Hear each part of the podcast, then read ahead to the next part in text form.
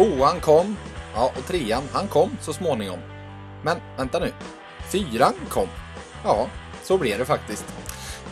Marcus Lillis Nilsson, Mikael Wikstrand, Linus Johansson och Joakim Nygård. En efter en har de ramlat in, om än inte alla officiellt, till ett Färjestadbygge som, ja, ser ganska bra ut. Fyra drömvärvningar kräver en specialpodd, så jag skickade ett mess till min kompis Sanny och frågade ska vi podda imorgon? Sanny svarade Självklart. Jag eh, frågar, kan vi inte podda direkt? kan vi inte podda direkt? Kan vi köra midnattspodd? Nu är det morgon och det har eh, gått ett, eh, ett halvt dygn sedan eh, Nygård-nyheten briserade. Aftonbladet var först ut där och kunde bekräfta att så är fallet. Ett sexårskontrakt och jag säger Sander Lindström, din spontana reaktion på, på det fjärde namnet som kom in? Boom! Sex år. Och eh, om jag läste din artikel rätt där så är det sex år utan klausuler. Yes. På en spelare som är 28 år gammal då, har jag förstått det? Eller jag vet att han är 28 år gammal, men det är sex år utan klausuler. Yes, helt rätt. Helt rätt. Och det är faktiskt helt, alltså det är, det är ju, jag tror inte jag har varit med om det faktiskt i, sen jag blev så kallad expert de här, ja, det är väl 9-10 år nu. Oj, mm. tiden går snabbt. Men att, att en sån spelare av den kalibern kommer hem och skriver ett sexårskontrakt utan klausuler. Det är ju faktiskt helt... Ja, jag, jag, jag var tvungen att läsa ett, ett, par, tre gånger för att verkligen eh, förstå att det var sant. Så mm. det, det, är helt galet. Och grattis till Färjestad, till framförallt fansen då. då. Ja, det har, eh, det har ramlat in namn efter namn. Eh, ifall vi ser på totalbilden, hade du trott att det här skulle kunna vara, alltså det var ju eh, givna mål alla fyra att de skulle försöka och plocka hem. Hade du trott att de skulle lyckas? Eh, tre av dem trodde jag nog. Mm. Eh, där eh, Marcus Nilsson, vi vet att han är hemmakär. jag säger inte det i negativ bemärkelse, utan han har levererat här i Färjestad tidigare och trivs i Karlstad. Mm. Wikstrand eh, likaså. väldigt, väldigt bra back såklart. Man har väl insett hur, hur mycket han betydde för Färjestad i spelet med puck och zontid i egen zon. Han är ju väldigt duktig på att ta ut pucken i egen zon och inte vara där så mycket. Mm. Eh, och att Linus Johansson skulle komma hem, det, det trodde jag nog också. Så att det, de har gjort något bra, eh, Färjestadsledningen som har hållit kontakten med de här spelarna och framförallt fått dem att känna sig viktiga, tri, trivas. Och det är klart, ett år som det har varit nu det gångna året, det är ju ganska enkelt att börja längta hem för mm. eh, Marcus Nilsson och för Linus Johansson som varit borta det här året. Mm. Ja, och även för de andra känns det ju som. Eh, att, att den sociala faktorn har spelat Färjestad i händerna när det kommer till det här och, och att avtal gick ut.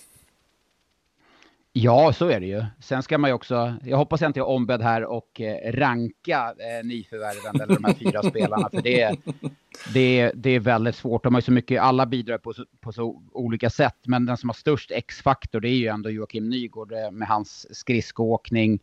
Mm. Att han kan spela powerplay, kan spela boxplay, eh, han kan spela sent in i matcherna och oavsett om du leder eller ligger under. Han är liksom på så vis en ganska komplett spelare.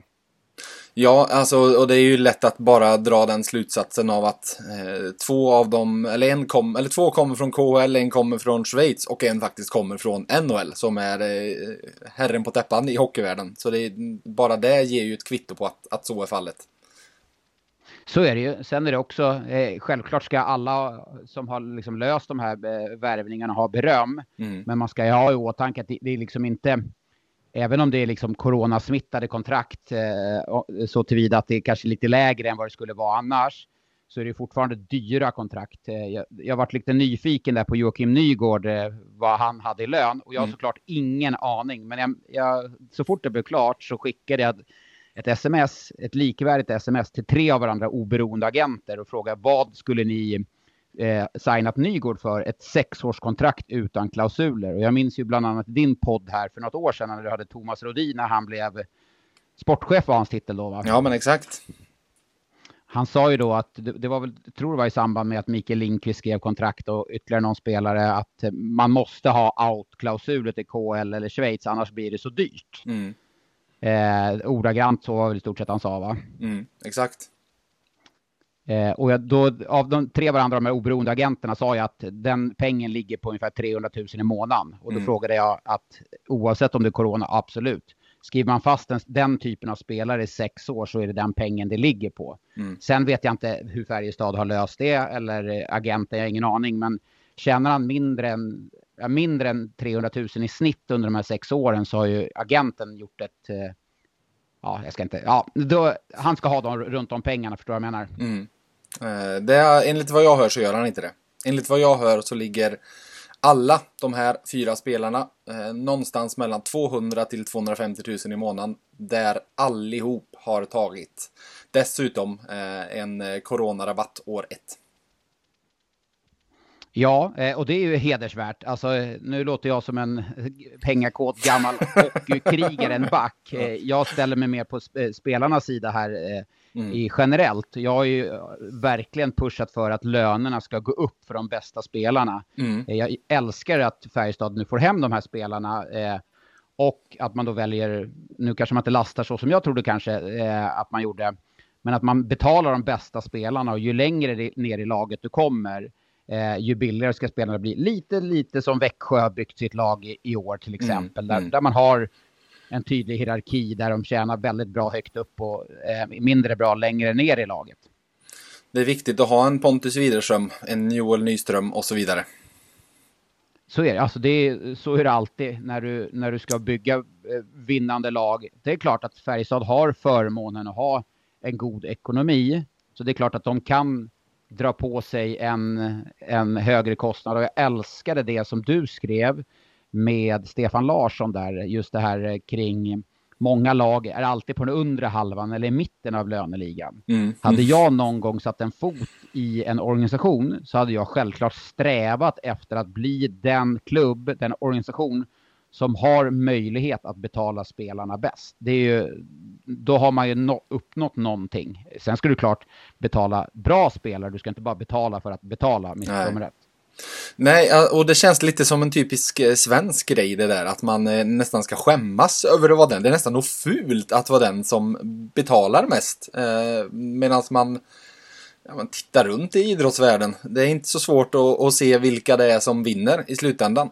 Alltså om det så var fotboll eller hockey eller vad det än må vara. Nej, så är det. Det finns ju en anledning att om du tittar på till exempel Premier League, att eh, vilka lag som är där uppe år mm. efter år efter år. Sen ska jag inte jämföra eh, svensk hockey med Premier League, det är inte det jag menar. Men över tid så är såklart ekonomi jätteviktigt. Sen vet jag att fans eh, säkert retar sig på här, de här sakerna. Eh, mm. Men det är klart att, jag menar, kolla bara Oskarshamn, de gör det jättebra, men ska de flytta fram sina positioner så måste de få in en 10 miljoner till i lönebudget. Annars så kommer man ligga där nere år efter år och förr eller senare åker man ut. Mm. Det, så, så är verkligheten. Man, man, alla kan överprestera ett år men, och kanske två år, kanske tre år, men man överpresterar inte fyra, fem år i rad. Sen är ju det charmiga eller ocharmiga, man kan underprestera ett år, eh, Lex HV71 och faktiskt åka ut. Mm. Det är inte så att det är HV71, eh, känns ju fortfarande helt jättekonstigt att prata om HV71 inte ska spela SHL. Det är mm. ju det, det, känns ju märkligt. Men de hade liksom en dålig säsong året innan. Det var ingen dålig säsong. Det, de var, tror de var två eller tre poäng bakom Färjestad som slutade på andra platsen. Mm, exakt. Ja, och tittar vi på, på det här året. Jag, jag är helt övertygad om att när vi summerar året så hade HV en lönebudget som var högre än Färjestads den här säsongen. I och med att Färjestad gick åt ena hållet och HV åt andra hållet under säsongen i värvning. Och jag, jag skulle tro att Färjestad låg över när säsongen startade, men så långt. Det är inte som att HV är något mittenlag när det kommer till löner i SHL liksom. Nej, definitivt inte. Det är klart att HV71 låg i den absoluta toppen, precis som Färjestad gjorde. Mm. Du, vi får ändå ta namnen. Eh, det verkar när man har pratat här, Lillis presenterades först. Eh, Mikael Wikstrand när han presenterades först så sa han lite skrattande Jag bestämde mig någon gång under säsongen. När det var, det vill han inte säga. Men eh, vad jag har förstått så det, det låter som att han, han var tidigt ute i det här. Och om vi nu går igenom namnen du var inne på Wikstrand lite, att eh, ma, ma, det märktes nog mer när han försvann hur mycket han hade saknats. Eh, hur, om du skulle säga, vad får Färjestad hem i Mikael Wikstrand i dina ögon? Ja, men de får ju hem en, en toppback eh, som, som är duktig på att transportera ut pucken i egen zon, som jag var, som jag var inne på. Mm. Han är inte alltid den backen som sticker ut. Jag har väl kanske jag har väl tyckt att han borde kunna sticka ur mer. Eh, mm. För jag, jag, såg när han kom in i Frölunda, när han kom från Mora där, att det fanns en väldigt, väldigt potential. Jag tycker att den toppen har liksom skalats av lite. Nu säger jag inte det med negativ mening, utan men botten finns ju inte där. Han är aldrig dålig. Nej. är alltid liksom, han är alltid tre, alltså tre plus, alltså mm. någonstans där och uppåt. Mm. Vilket gör att du vet alltid vad du får. Sen är det inte den X-faktorn som jag trodde när han kom in i ligan, att han skulle vara liksom den här liksom powerbacken som skulle kunna göra en 30 35, 40 poäng. Det trodde jag faktiskt när han kom in i ligan att han skulle kunna utvecklas till att bli. Men mm. där kommer han nog aldrig landa in. Men jag, jag, det är gott nog ändå, för du vet alltid vad du får i match efter match. Mm. Eh, sen är det det, kom, nu kommer han hem nu med ett jäkla driv att han ska vara med och vinna. Han ska vara med och, och föra bucklan tillbaka. Liksom. Att han får det drivet och blir den där ledaren. Då är det klart att då blir han ovärderlig för den här gruppen. Mm. Du var inne lite på det, det jag ofta brukar lyfta med honom. Eh, jag skrev det i en krönika när jag presenterades. Nästa, jag skrev det, till hösten, sätt er och titta på honom någon match. Och sitt och titta på små passningar och se se hur sällan mottagaren av passningar behöver justera sig på något sätt utan att eh, pucken verkligen sitter på klubban på spelare i fart. Men så är det ju. Och det, han var ju en stark, när Färjestad gjorde den helomvändningen och bytte liksom identitet, då var ju han en stark bidragande orsak med just sitt spel bakifrån. Mm. De här fina, nätta små passningarna som alltid hittar rätt adress. Så det, där är han i den aspekten så är han ju en toppback eh, bättre än Jesse Virtanen just i den mm. aspekten. Mm. Sen har ju Virtanen en, eh, alltså Virtanen har ju kanske en mer off, eller har en mer offensiv uppsida. Mm. Men det är två backar som kommer kunna logga runt, ja men du vet 25 minuter och skulle du dessutom få behålla Albert Johansson så har du ju, jag menar, då sitter du bra på på backsidan också. Mm, exakt. Eh, Marcus Lillis Nilsson då? Vad tänker och känner du? Ja, alltså det här är, han är lite mer lurig så. Eh, mm. Han har ju egentligen gjort en väldigt bra säsong, eller alltså en grym säsong. En astronomiskt bra en, säsong. De sista månaderna ja. han gjorde den säsongen är bland det mer dominanta jag har sett någon spelare jag har bevakat i SHL överhuvudtaget, faktiskt. Ja, och då är det ju liksom, det är där man lägger förväntningsnivån på honom. ja, precis. Eh, Lycka till. Vilket blir lite orättvist. Jag tror, jag tror man får dra liksom ett snitt över det han gjorde sista en och en halv säsongen. För att mm. För jag vill minnas där, det var ju framförallt i slutspelet året innan och lite, lite där innan verkligen tog fart för mm. honom som gav honom den här boosten in i, i säsongen när han var så framgångsrik. Men det är klart att alltså, han ska ligga med högt upp i poäng, poängligan. Jag säger inte att han ska vinna den eller liksom topp fem. Jag har inte riktigt de kraven, men att han ska ligga med högt där uppe och förstärka upp eh, Färjestads powerplay. Den, de förväntningarna har man. Så det är klart att det, det är en toppvärmning. Det, det går inte att komma ifrån. Ska han spela i både PP1 och PP2?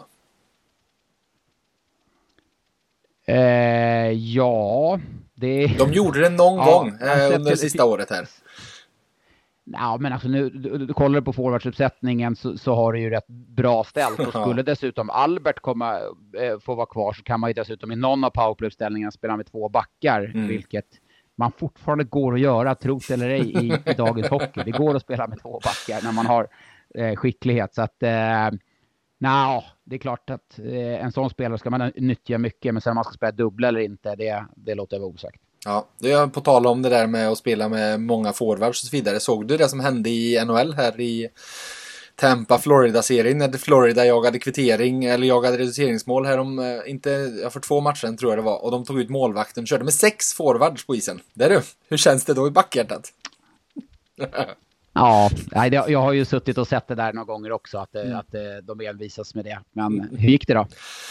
Tempa vann. Ja, ja, ja exakt. Det, det, det, var väl så. Vi det går hoppar... vägen. Ja, precis. Du, Linus Johansson då? ledare. Jag ser ju honom att han, han får kaptens eh, eh, rollen. Jag, jag ser ju honom som den mest naturliga ledaren. Jag vet att Wikstrand hade kaptens eh, innan, innan, Linus åkt, åkte, men jag tyckte att Linus växte ut till den stora ledaren. Dels under den säsongen och framförallt året efter där innan han lämnade. Så att jag ser ju honom som liksom navet eh, Färjestads, man säger alltid Färjestads Joel Lundqvist eller man säger mm. om Timrå skulle få hem Anton Lander så skulle det bli Timrås eh, Joel Lundqvist. Men eh, du förstår på den nivån mm. att det är, en, det är en kravställare i vardagen som, som nu kommer, kommer kunna vara i Färjestad ett tag och vara ledaren och eh, säga man vill, man behöver kontinuitet också på kaptenspositionen. Nu har det hattats väldigt, väldigt mycket eh, mm. under flera år. Dels har spelare lämnat, sen att i fjol eh, vart, vart det tokigt så det är klart att du behöver kontinuitet på eh, kaptensbiten också där eh, jag ser det givet att Linus är valet. Mm. Och sist då, Joakim Nygård. Ja, men som jag var inne på, det är ju den här X-faktorn som, mm. eh, som kan bryta upp ett dödläge i en match eh, genom att åka runt någon, dribbla av någon. Blev eh, sista året i SHL också mer effektiv, har ju alltid skapat mycket men har tidigare inte varit tillräckligt effektiv. Eh, sen är det, alltså för mig, jag pratar om att Joakim Nygård är en spelare som, jag menar toppspelare som du låser fast, då, då är det 300 000 i månaden, punkt liksom. Och då mm. kan folk tycka att det är eh, omått, alltså det är galna pengar.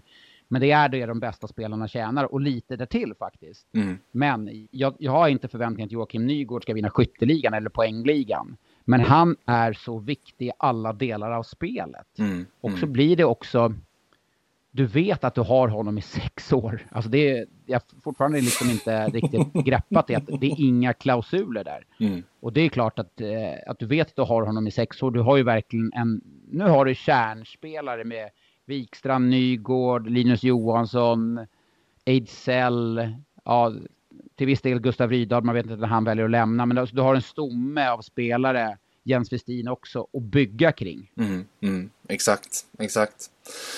Du, eh, du var inne på att det har hattats en del med kaptener och jag skrev här i, i, i fjol, vet jag, skrev, skrev Då var det väl åtta kaptener på tio år när eh, Gustav Rydahl blev utsedd och sen beror det på hur man ser det. Sebastian Eriksson blev ju officiellt kapten men var det ju bara i några matcher. Och Victor Ejdsell eh, var det största delen av den här säsongen så vi är uppe på typ tio kaptener på tio år. Hur mycket av, eh, jag har varit inne på under säsongen att Färjestad har ett ledarskapsproblem och jag såg det framförallt på isen. Hur mycket av det ledarskapsproblemet eh, löser man med de här rekryteringarna? Eh, stort skulle jag vilja säga. Sen, sen, vet jag också att ingenting av det där går per automatik. Jag var i Färjestad 2011 då vi fick hem eh, Rickard Wallin, Frögren, Pelle Prästberg, Christian Berglund. Alltså, så. Men det är också, det är ett, man måste hitta den gruppdynamik också. Och mm. det, många tror ju att 2011 var, om man då skulle eventuellt göra någon parallell mellan de här lagen, så, så många tror att 2011 var bara liksom en autostrada. Så mm. var det inte. Det var ju, det var ganska, vi stötte och blötte rätt mycket det året för att kom, komma rätt och behövde göra justeringar. Eh, spelare fick lämna bland annat under säsongens gång för att hitta rätt i dynamiken. Så att bara för att man värvar hem stjärnspelare och jag menar, ledare, informella ledare så går det inte per automatik utan det är någonting som så fint heter den där processen som man alltid pratar om. Det måste få ha sin gång. Så mm. Bara för att man värvar hem de här spelarna så tror jag inte per automatik att den här ledarskapsbiten bara löses utan det är någonting man kommer få jobba med över tid för det har varit så väldigt hattigt länge nu. Mm. Ja, du var inne på, och det är ju helt omöjligt att inte dra parallellerna ändå med 2011-laget. Jag minns, eh, det var väl eh, Skellefteå tog det slut året innan, va? eller hur? När de åkte ut i kvartsfinal. Ja, det var Skellefteå i match 7 i, i kvartsfinal där jag. Just det. 2010. Eh, och jag satt och pratade med dig uppe i ett omklädningsrum och vi frågade, jag frågade om det var ett fiasko och det tyckte du väl att det var. Hur, eh, hur, och det är ju lätt att dra likheter mellan de här två säsongerna ändå. Det var ju ett kvartsfinalsuttåg nu också och det var ett lag som slutade åtta i tabellen, sämre än vad ni gjorde 2010. Hur, hur minns du det som hände då när det började eh, ramla in namn efter namn efter namn den där silly som var då mellan mellan 20, ja, sommaren 2010, våren 2010.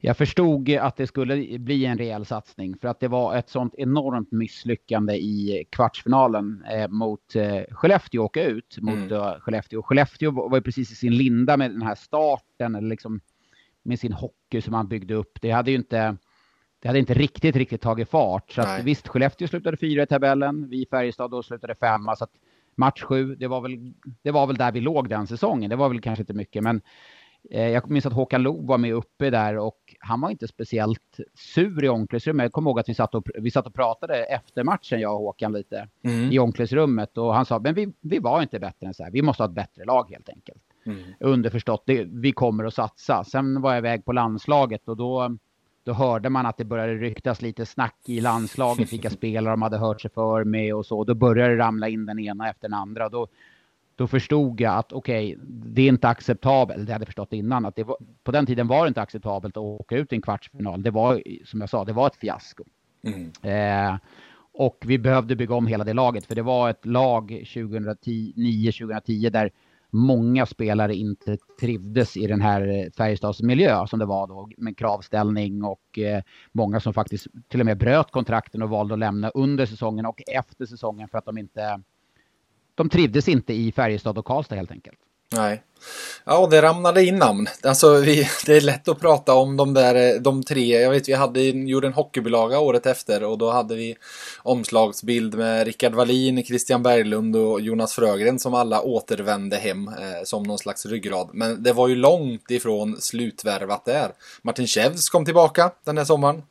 Eh, Pelle Prästberg var väl en sen liten lyxvärvning när han hämtades hem från, eh, från Leksand. Eh, du hade Jonas Junland som plockades in när alla tänkte han är ju klart han ska till Linköping igen om han vänder hem till SHL. Det var muskler som spändes. Eh, det är svårt att säga något annat.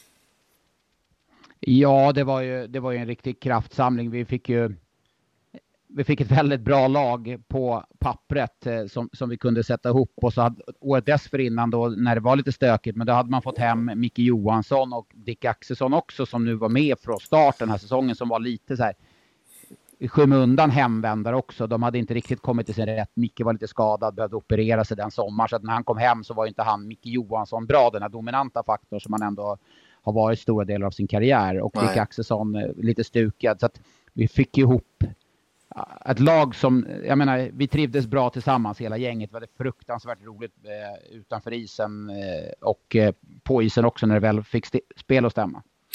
Och som du säger, det, du då pratar om lagbyggen med många ledare. Så Rickard hade, fick se när han kom tillbaka du spelade med ett A och Jonas Ögren fick ett A på bröstet. Sen fanns en Junland som nu är kapten i Linköping. Han hade ingen bokstav överhuvudtaget. Det fanns en Mattias Sjögren som nu är kapten i Rögle. Han hade ingen bokstav överhuvudtaget på bröstet.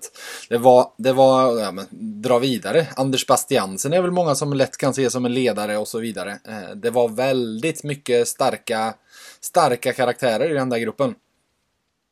Ja, och då gäller det att få ihop det också. Mm. Eh, att alltså har du starka viljor och det spretar lite åt olika håll. Alltså viljor, alla vill vinna matcher. Självklart mm. är det så. Det, det, är inte det vilja handlar om.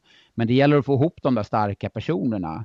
Och jag hävdar att det är den, alltså det tillsammans med Tommy, Tommy Samuelsson och Leffe Karlsson, Jörgen Jönsson, Erik Granqvist, deras ledarskap. Mm. Det var ju en jättenyckel för att vi fick Tommy kunde då komma till Frögren eller mig eller Valin till exempel eller någon annan av spelarna och förmedla ett budskap och vi förde fram det i spelartruppen. Mm. Vilket i slutändan ledde till att Tommy och ledarna kunde liksom de kunde fokusera på de små detaljerna, de stora sakerna. De, de tog vi i gruppen hand ja, okay. Eh, mm. eh, Ibland behövde de knappt säga någonting efter en period. När vi visste att vi hade spelat dåligt, då kunde Tommy komma in. Då hade vi skällt på varandra redan. Då kunde Tommy komma in och säga vi gör så här i uppspelet, den, vi flyttar den spelaren hit, vi gör si, de här små, små, liksom, små detaljerna. Mm. Och där var ju Tommy, Tommy var ju grym där. Eh, jag har ju enorm res respekt för Tommy Samuelssons kunnande och hur han hanterar den här gruppen. Mm. Jag glömde även Magnus Nygren som ju har blivit Färjestad-kapten därefter. Han fanns ju också i det här laget. Och det var väl Salak kom väl in. Med, han kryddade man med lite på slutet. Ja, exakt. Och så fanns den här Jonas Brodin, hört, blev ganska duktig sen också. Han fanns också. Nej, men det, det är ju som sagt, det, troligtvis är väl det där det absolut dyraste lagbygget Färjestad haft. Jag vet att det var det då och jag vet att budgeten gick ner något år därefter.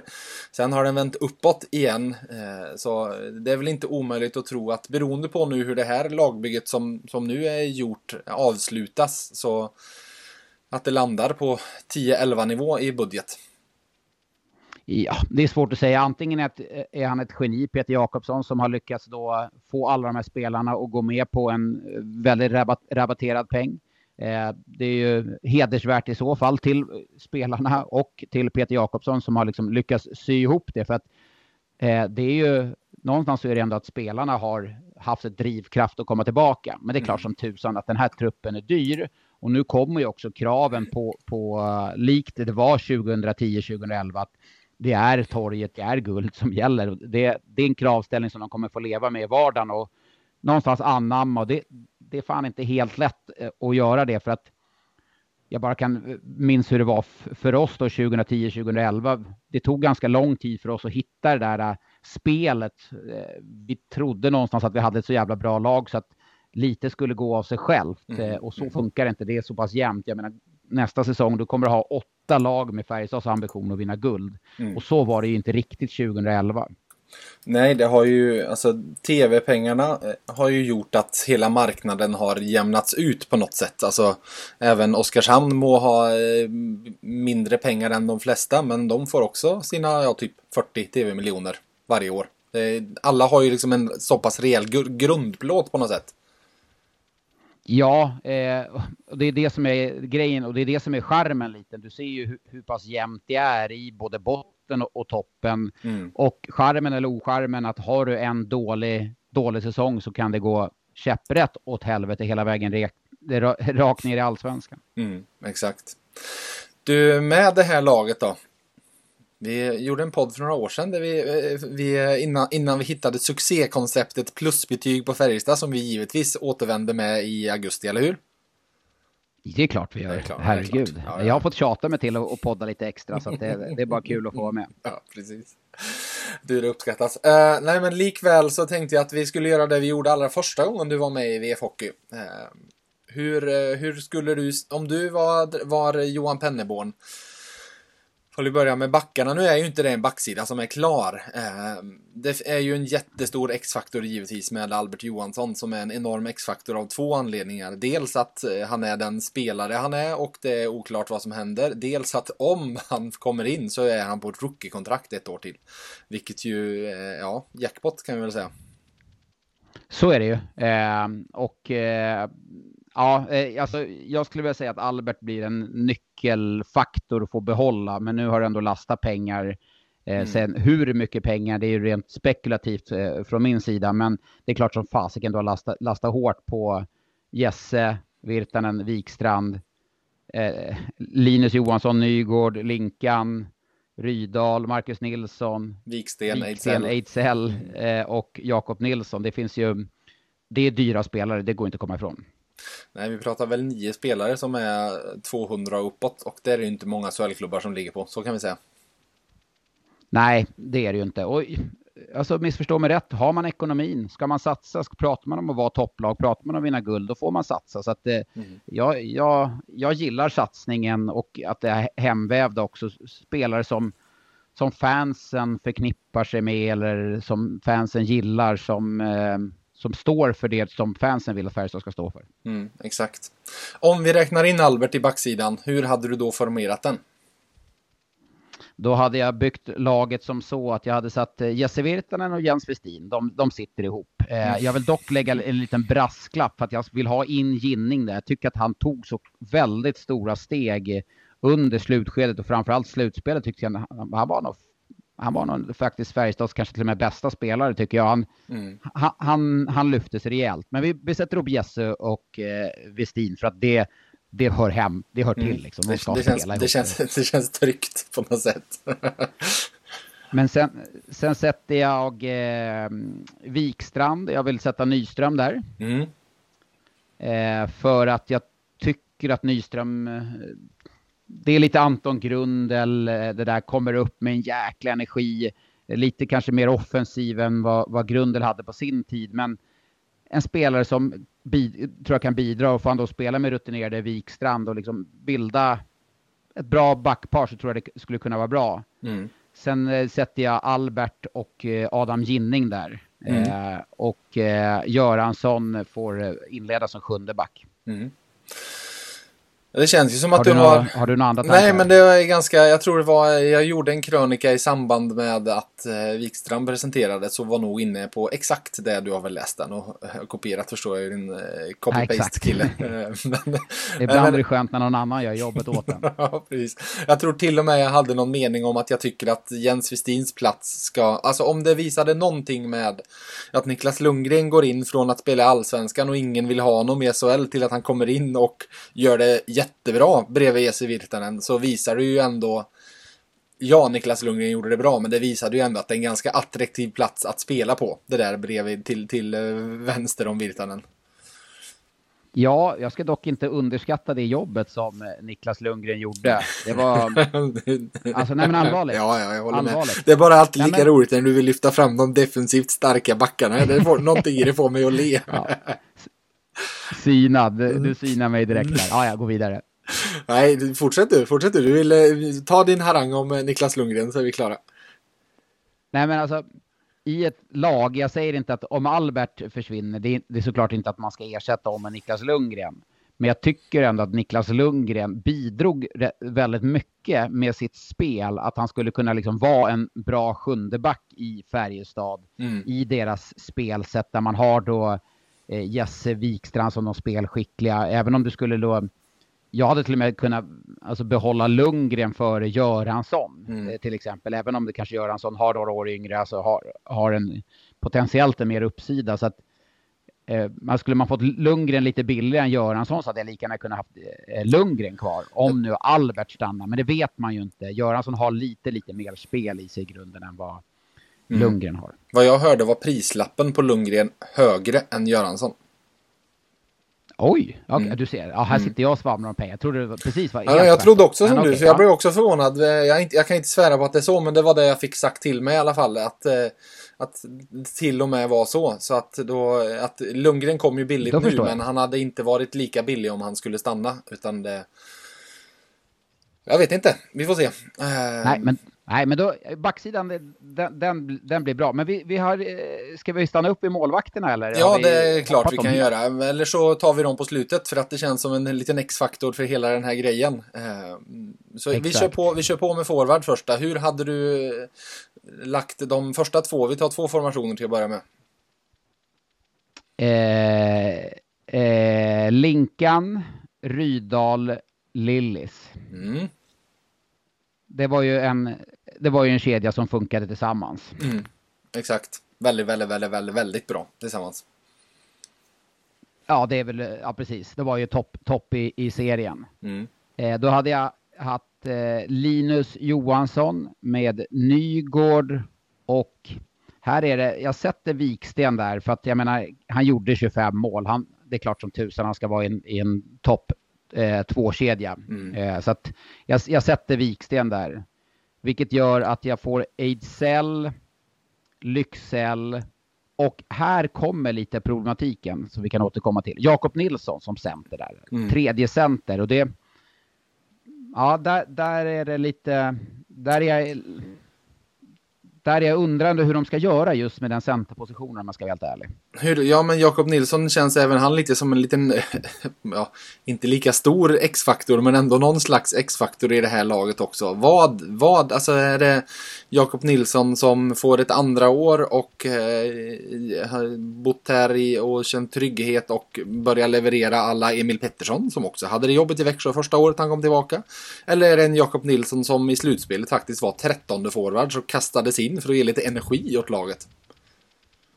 Eh, till hans försvar då så ska jag säga att han, när han var den, då kändes det som att han anammade den rollen och, och kom med lite mer grit, kom med lite mer intensitet. Mm. Eh, jag tyckte han gjorde spela sin bästa hockey i Färjestad i de där bytena han hoppade in i faktiskt. Ja, och eh, då får man också veta att det här är en spelare som var tilltänkt att vara första center och mm. värvad utifrån och betald därefter. Så att det är ju inte helt, det är en, det är rätt svårt. Den, fasiken, den, är rätt, den är rätt tuff man sitter på där på, på Jakob Nilsson. För att om inte han levererar, då sitter man ju ganska rejält då, då, är det kanske inte ett guldbygge på samma sätt. För då har du en centersida där du har Linus Rydahl, eh, Jakob Nilsson och Martin Johansson jag vet inte, är den centersidan guldklass? Vi måste ändå lyfta upp Jakob Nilsson som på din nivå. Vad skulle en tredje center göra? ja, Nej men allvarligt, vad sa du? Jag, jag sa väl 35 poäng en gång i tiden, var det inte det? jo, och där, där måste man ha förväntningar på att, det måste man ändå säga, där ska Jakob Nilsson upp till. Mm. Det, det, det är ju, de förväntningarna måste man, måste man ha, tycker jag. För mm. men han kommer ändå få spela med, enligt mig då, Ejdsell och eh, Lycksell. Mm. Det är ju två spelare som, som har en offensiv uppsida som då på pappret är en tredje kedja. Mm. Och i fjärde då skulle du ha Jakobsson, Martin Johansson, Widerström och så får du Lavner som, eh, som trettonde forward. Och det vet vi det var ju du som gjorde mig uppmärksam på det för något år sedan. Att, att han vill ju spela på 13 forwards ofta, Penneborn, mm. så att eh, Lavner kommer också få, få istid. Men mm. här ska du ha in kryddan sen också. Mm, mm. Exakt. Ja, alltså det är ju det. Alltså, det, det han, han, finns ju där i kulisserna Per Åslund på ett eller annat sätt. Men vad ska han in då? Vad ska ja. han in i ditt lag? Ska jag ta ett lag? Jag är med dig på ganska mycket. Eh, men jag kan ta ett lag som jag ser det framför mig just nu med Per Åslund i laget. Med, mm. Eh, ifall vi då jämför med 2011-bygget så var det Pelle Pressberg som kom in som veteran med Färjestad-hjärta sent. Eh, så han, han är väl Pelle Pressberg-kryddan i det här laget då. Jag hade i så fall eh, tagit en första formation precis som den du säger. Eh, jag skulle tro, fall jag vet någonting om hur Johan Penneborn gillar att bygga sina lag så gillar han att gå tillbaka till det han vet har fungerat. I alla fall i ett eh, första skede. Till exempel, alltså Jesse Virtanen och Jens Westin, när Virtanen kom tillbaka, de var tillsammans från första träningen och där framåt. Liksom. De, när Westin kom tillbaka, det var någon match här. Westin hade det väl lite kämpigt att komma in igen efter skada. Så då var det väl någon match eh, Lundgren faktiskt var där. Men annars så, så var det ju den, eh, den duon. Så jag skulle hålla kvar eh, Marcus Nilsson, Gustav Rydahl och en, en liten jag bara ville ta ett ord med dig om. Vad tror du om Mikael Lindqvist ett år efter, ett och ett halvt år efter korsbandsskadan? För att han var ju inte Mikael eh. Lindqvist före korsbandsskadan i vintras. Det är ju, det är han ju den första själv att erkänna. Nej, och sen, sen vart det, tycker jag, om man ser i spelet, så vart det Mikael Lindqvist som kom djupare ner i egen zon, liksom sökte pucken, hade kanske, fick inte passningarna på samma sätt som tidigare år, mm. hade inte kedjeformationerna som, som, som kunde driva tillsammans med eh, jag, det var väl en suck av lättnad som ändå jag upplevde från Linkvist när Rydal kom tillbaka, hur mycket Rydal betydde mm. för honom när han kom tillbaka. Mm. Ja, han pratade om det, jag pratade med honom inför slutspelet och han var, äh, det var, det var inte, det var inte en suck av lättnad, det var ett glädjevrål av lättnad som han kände och hur han, han pratade om hur han, han kunde skita i att åka in i vissa situationer för han visste att Rydahl kommer komma ut där med pucken och så kommer han passa, till, passa den till mig sen. Och det är väl lite där man även i, med den duon, för man då lägger till eh, Marcus Nilsson som en tredje faktor. En av hans absoluta styrkor är att transportera puck. Att bära in puck i zon. Eh, och Mikael Lindqvist kommer ju inte behöva göra nästan något av det jobbet. Fall han spelar med Rydahl och Lindqvist, eller Nilsson. Nej, och det är så är, alltså, så är det ju. Och det är ju, det är ju just det som gör att den, den fungerade så bra, den kedjan tillsammans. Mm. Eh, där de trivdes väldigt bra och hittade sina roller. Så att, eh, att Mikael Lindqvist kommer studsa tillbaka, det är jag helt övertygad om och kommer komma in med en helt annat självförtroende i den här säsongen. Lite stukad i fjol, kom in, ingen försäsong, kom in där i säsongen och höga förväntningar, skulle liksom bara den här säsongen studsa vidare ut i Europa. Det blev inte riktigt så, men då får han liksom landa in en säsong till och det, är väl, det var väl jackpot för Färjestad och kanske i slutändan även Lindqvist som jag tror kommer göra en väldigt, väldigt fin säsong. Ja, exakt. Du, nu kommer jag till min lilla X-faktor då. Min lösning på centerproblematiken som du pratade om. Den mm. är... Mm. Den kommer från Hagfors. Lösningen. Ja, du ska in med Ejdsell där som center? Mm. Mm. mm. För att? Men så här, eh, i, i fotboll har man pratat lite om falska nior som vissa lag har spelat med när de inte har spelat med någon forward utan nästan haft fyra offensiva mittfältare som alla har rört runt så här. Jag tycker att Victor Ejdsell i formationen som var nu med Viksten och Jakob Petersson var någon slags falsk center.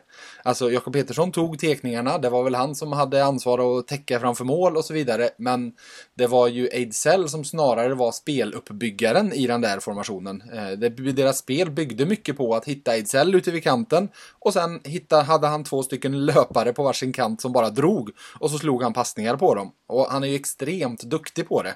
Eh, och jag, jag, har haft, eh, jag, jag minns det sen eh, det tror det var när han kom tillbaka så var det direkt eh, som Martin Tillander skrev till mig på Twitter och var ute om att eh, Victor Ejdsell ska spela center. Han drog ju då givetvis slutsatsen av det året de gjorde i Karlskoga när Ejdsell var landslagsklass i allsvenskan får vi ju säga att han var det året. Eh, han fick ju till och med debutera mot slutet. Eh, så jag hade gjort precis så. Jag hade satt Victor Ejdsell som center i en andra formation och jag hade gett honom precis det han inte har och det han fungerar allra bäst med. Jag hade gett honom fart, fart, fart, fart, fart. Daniel Wiksten och Joakim Nygård på kanterna. Okej, så du hade haft eh, Rydals första center, eh, Ejdsell andra center, och vilket mm. betyder att Linus tredje center, alltså det är mm. ju tre, tre i stort sett första kedjor de har. Så att eh, det är inte så att eh, det, är, det är en renodlad tredje som bara ska defensivt ansvar. Men då har du Linus tillsammans med? Då, jag hade ju ett lagbygge där Per Åslund har kommit in i det. Så i den då så bygger det på att Linus Johansson spelar med de som faktiskt trivdes jätte, jättebra ihop till slut, mot slutet av den här säsongen. Per Åslund och Olle Lycksell på varsin kant. Ja, intressant. Men har du Jakob Nilsson som fjärde center eller Martin Johansson som fjärde center? Eh, jag tror inte Jakob Nilsson kan spela den roll som en fjärde center i det här lagbygget kommer att göra. Eh, för att fjärdekedjan i det här lagbygget är väldigt tydligt en fjärde kedja. Det är en kedja som ska gå in och likt Oskar Bäck har gjort i... Han har ju haft den tuffaste uppgiften i hela SHL senaste åren. Oskar Bäck bara startat i egen zon i princip hela tiden.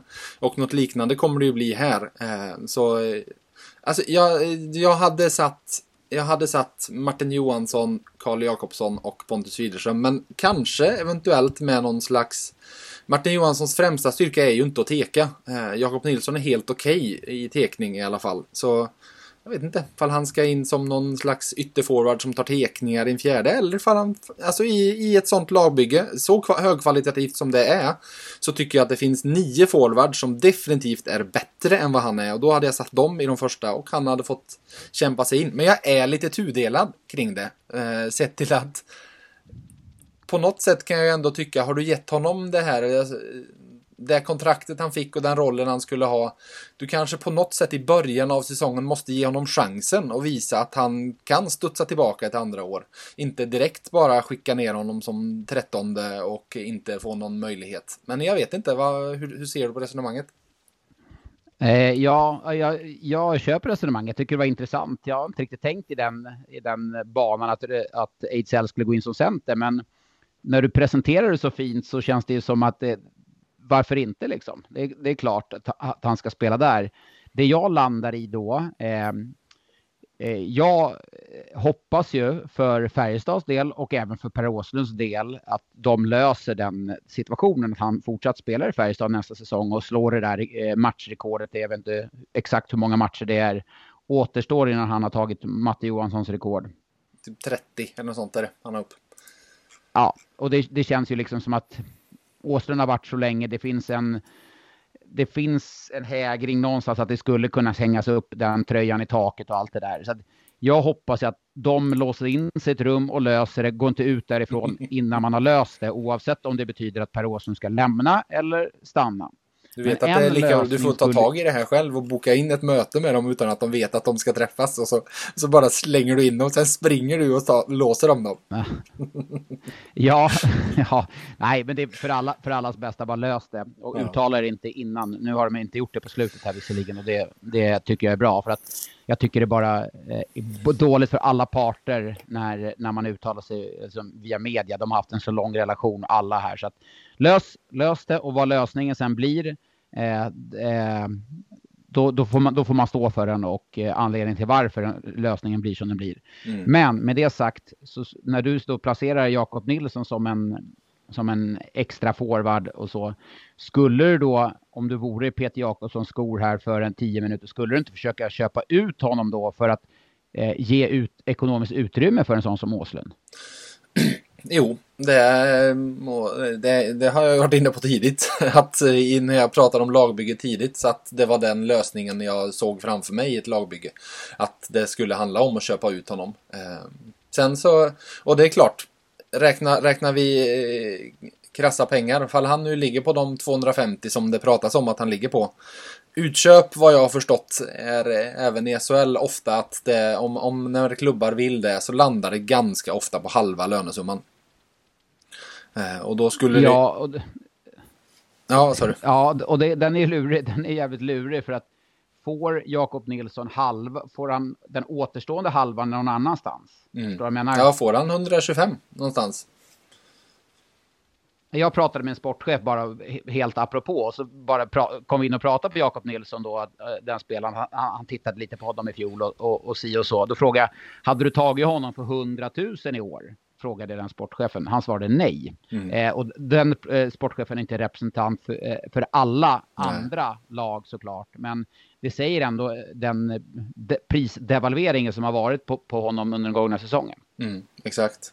Men om man räknar ur Färjestads perspektiv så är det klart att de, eh, om man säger att det skulle vara då en ut, ut, utköp för halva kostnaden, då frigör den 125 000 och det är ju vad någonstans där, då, då har, de, har de möjlighet att plocka in Åslund för någonstans runt de pengarna, fall det är 125 eller 135 eller 140 liksom. Det är ju det är ju det häradet liksom. Och det är klart, då i det här lagbygget byt ut Jakob Nilsson mot Per Åslund känns, känns logiskt på något sätt.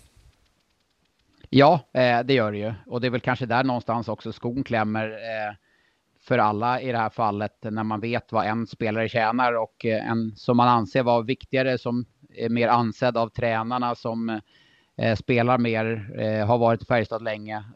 det är väl det, är det som gör det problematiskt i en kontraktsförhandling när man man vet ju vad, vad, vad man tjänar, vad, vad lagpolerna ligger på i laget. Även om man mm. kanske inte pratar exakt kronor och ören så, så vet man ju det. Liksom. Och det, det gör det ju lite problematiskt med en lönestruktur. Då, om, mm. Som du säger, om massa spelare har gått med på en coronarabatt här, de nya spelarna, så, så har du då kanske den potentiellt typ bäst betalda spelaren som är eh, utanför laget.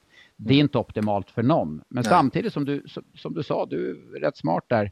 Tack. Eh, får ge dig det. Man måste ju ge honom chansen också, Jakob. Ja. Om han nu haft lite problem med ryggen, fått rehabilitera, kommer tillbaka starkare. Om man då cementerar honom direkt till Strömstad, där Strömstad Hockey Classic som trettonde forward, då, då kommer du inte få ut någonting. Så att du kanske måste ge honom chansen också högre upp i, i laget och hitta den, hitta den platsen då Johan för att göra, ge honom chansen. Det är fan inte helt lätt heller. Inte, inte med Per Åslund i laget. Alltså, skulle du då skicka Per Åslund i en fjärde kedja det Ja, då har du en lyx. Ja, och där flyttar du ju inte Pontus Widerström, det är en sak som är säker. Nej, nej, nej, nej, nej. Herregud. Han är det här lagets eh, informella hjärta eller någonting. ja, och nu målkung dessutom på slutet. Ja, ja, ja. Han, kan han, han, nu du... får han den där Gustav Rydahl-utvecklingen som, som de förutspådde. Alltså, han har ju hittills eh, vandrat på de stegen. Jag säger inte att han kommer göra så mycket poäng, men det, jag är... När, när, jag, eh, när det började hintas lite om det där, liksom om att ja, men de trodde på att, och då kände man, ja, ja, kom igen nu. Det där, Gustav Rydahl-utvecklingen, den får ju en av en miljard liksom. Men eh, Ja, så, ja, ja, han måste ju vara en av dina absoluta favoritspelare i det här laget, eller hur? Potter Widerström? Ja ja nu tycker jag du har en väldigt eh, skev bild av mig som på min hockeysyn sådär. Jag gillar, jag gillar Pontus Widerström. Han verkar så här obrydd, dels i intervjuer också när han, när han gjorde något mål där. Och, alltså det var ju som att han liksom, ja, han var ju väldigt skön i intervjuer. Han känns som han han sätter på sig grillorna och hjälmen och kör. Det är inte så mycket mer än så. Exakt, underbart. Du, vi var inne på det och du nämnde det lite förut. Så då säger jag så här. Kan Färjestad vinna SM-guld med Henrik Haukland och Jesper Eliasson som målvakter? Mm, ja, nej. Det, det, det, är en väl... Ja, det, den är... Den är pikant den frågan ska jag säga. Mm. Och eh, jag tror att det är där man kanske måste försöka hitta, om inte Haukeland håller, man märker det. Eliasson kommer inte hålla, han är ju han är för färsk för mm. att vinna guld. Han kommer kunna vinna lite matcher i en grundserie, absolut. Men vinna slutspel, en kvartsfinal, vinna en semifinal, final, absolut inte. Där är inte han ännu. Det, det, det, är alla medvetna om. Är Haukeland det? Jag är osäker. Och det för mig in lite på hur det var 2010, 2011. För det var ju faktiskt ett, ett liknande läge då, där det var Robin Ram och det var Kristoffer Nilstorp. Nilstorp kom från Rögle, hade åkt ut med Rögle. Det var liksom i... Det var, jag reagerade lite på när Färjestad värvade honom att oj, ska Nilstorp, jaha, är han bra liksom? Mm. Det, var, det var min känsla kring, kring mm. Nilstorp då. Det visade sig att han tog enorma steg under eh, eh, mentorn och eh, målvaktstränaren Erik Granqvists vingar. Mm. Det vart ju jättebra. Men då fick vi när Robin Ram då vad sa du? Livsgurun Erik Granqvist är det väl benämnd honom. Livs, livscoachen. Ja. ja. han, han, han, nog, han, skulle kunna ha många, hur många tror han skulle kunna ha på sin CV så här, eller lite CV på sitt visitkort om det nu, om det nu kanske digitala visitkort nu. Men han skulle kunna ha ganska många. Oh ja, oh ja. Kommer du ihåg vad han, hans roll han hade i Hockeystudion på VF? Nej. Ashokas tankar hade vi ju ett inslag i flera år där han eh, fritt fick sitta och filosofera i en två minuter. Eh, det var alldeles underbart. Det stack ut Just i hockeybevakningen får vi ändå säga. Har du tagit åt dig credden för att han är på, på uh, Viasat nu eller? Ja, det tycker jag. Det är VF, VF-effekt såklart. Såklart. Bästa VF, plantskolan. VF Nej, men det var, jag, jag kan, det, det var alltid en, det var en skräckblandad förtjusning att spela in om det här med Erik för att han var han, han var inte, han, han gjorde det alltid jättebra direkt. Men ville ta om. Och så ville han ta om och ville ta om ah, för okay. han ville ha det helt perfekt liksom. Ja, så ville han, okay. så ville han spela in och så, ja men vänta jag måste få titta på det nu. Så skulle han sitta och titta på det och så bara, ja, så tog han om och man kände, ja, men du gjorde det ju jättebra direkt. Men nej, han ville skruva på något litet så här så han, det är ju, det är ju omöjligt att inte älska det för som han liksom, vårat lilla webb-tv-program verkligen gick helhjärtat in, men det är ju så han är. Han har ju inte gått icke helhjärtat in i eh, ett parti med Fia med knuff liksom någon gång i hela sitt liv. Ja, det är väl det som gjorde att uh, han var så duktig på att få målvakten att växa där, den gode mm. Granqvist. Men tillbaka till målvaktssidan då. Det var ju ett liknande läge 2011 där eh, Färjestad då värvade Kristoffer Nilstorp från Rögle som hade åkt ur SHL då. Eh, jag tyckte inte att Nilstorp var den, kanske en sån här guldmålvakt med tanke på det lagbygget som Thomas Rundqvist hade satt ihop. Så var väl målvaktssidan det man kände att Robin Ram, Nilstorp, oj, ska den bära oss i det här fallet? Mm. Men då kom ju Robin Rams eh, snedsteg, minst sagt, mm. öppnade upp för Salak som kom och de sporrade varandra till stordåd. Jag tror inte att Haukeland och Eliasson kan sporra varandra till stordåd. Nej. Men hade du, hade du försökt agera nu eller hade du försökt, alltså så här. Målvakter är ju en himla skum grej. Eh, alltså, ta Janne Juvonen som exempel. Sista året i Mora. Typ en av SHLs bästa målvakter. Första året i Leksand. Ja, inte en av SHLs bästa målvakter och det pratades om att han ska köpas ut och de måste ha in någonting annat. Nej, han blev kvar. Kanske var för att de inte hittade någon som ville ta över kontrakt eller vad det nu kan ha varit och var en av SHLs bästa målvakter. Det känns ju lite, ja, men hur, hur, bra målvakter det är, på något sätt så har jag alltid en känsla av att det är lite som att ta ögonbindel och kasta en dartpil och se vart den eh, hamnar. Ja, till, till Haukelands försvar så får vi väl ändå säga att eh, Färjestads försvar försvar, försvar. Eh, mm. var ju, det var ju inte, det var inte Växjöklass på det. Nej. Jag menar, du såg Växjö i en finalserie. Erik Källgren kom in och spikade igen. Är Erik Källgren en bättre målvakt än vad Haukeland är? Nej, det, det, tror jag nog inte. Nej. Men Källgren klarade att, att, hålla väldigt bra nivå i ett, bakom ett stabilt Växjöförsvar. Mm. Så mycket landar in i det också, vilket försvarsspel du har. Så det ska man väl ta till i det här fallet Haukeland och i fjol ha Holms försvar. Mm. Men eh, det är klart, nu ska man definitivt inte agera. Man får se under säsongen. Växer Haukeland ut tillsammans med försvaret och blir en toppmålvakt, ja men då är det lugnt liksom. Men mm. gör han inte det, då får man agera därefter. Sen ska man faktiskt komma ihåg en sak med 2011-laget. Eh, Salak må ha varit, eh, varit etta totalt sett över säsongen, men det var faktiskt Nilstorp som stod där när ni vann guld och var den, den, den som presterade bäst i slutspelet.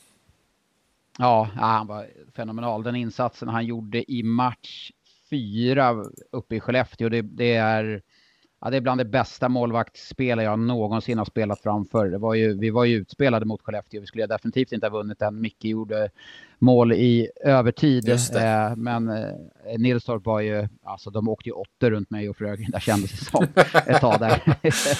men eh, då, han, han var grym alltså och sen var det ingen snack matchen efter. Men nej, så det, det är nog under min karriär den målvaktsprestation som sticker ut allra mest. Mm. Jag vill bara säga, för jag hade uppe Alexander Salaks Elite Prospect-sida nu. Vet du vad han hade? Han var ju, efter den säsongen så stack han ju till Nordamerika och till Chicagos organisation och spelade Rockford ett år.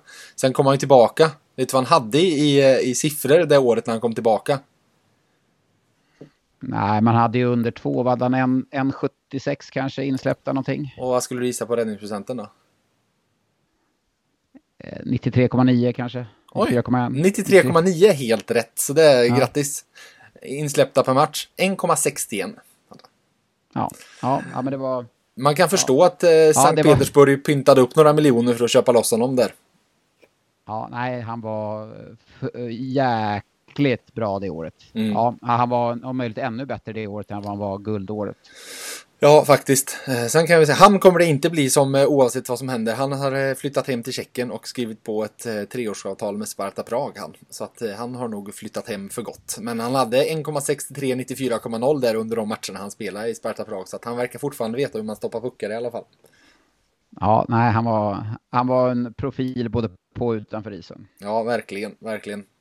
Ja, ja, nej men jag hörde av mig igår så sa jag, men vi kan spela in en podd, alltså ingen lång grej utan vi kanske pratar en kvart, 20 minuter eller något sånt. Ja, det, är bra, sa du. Mm.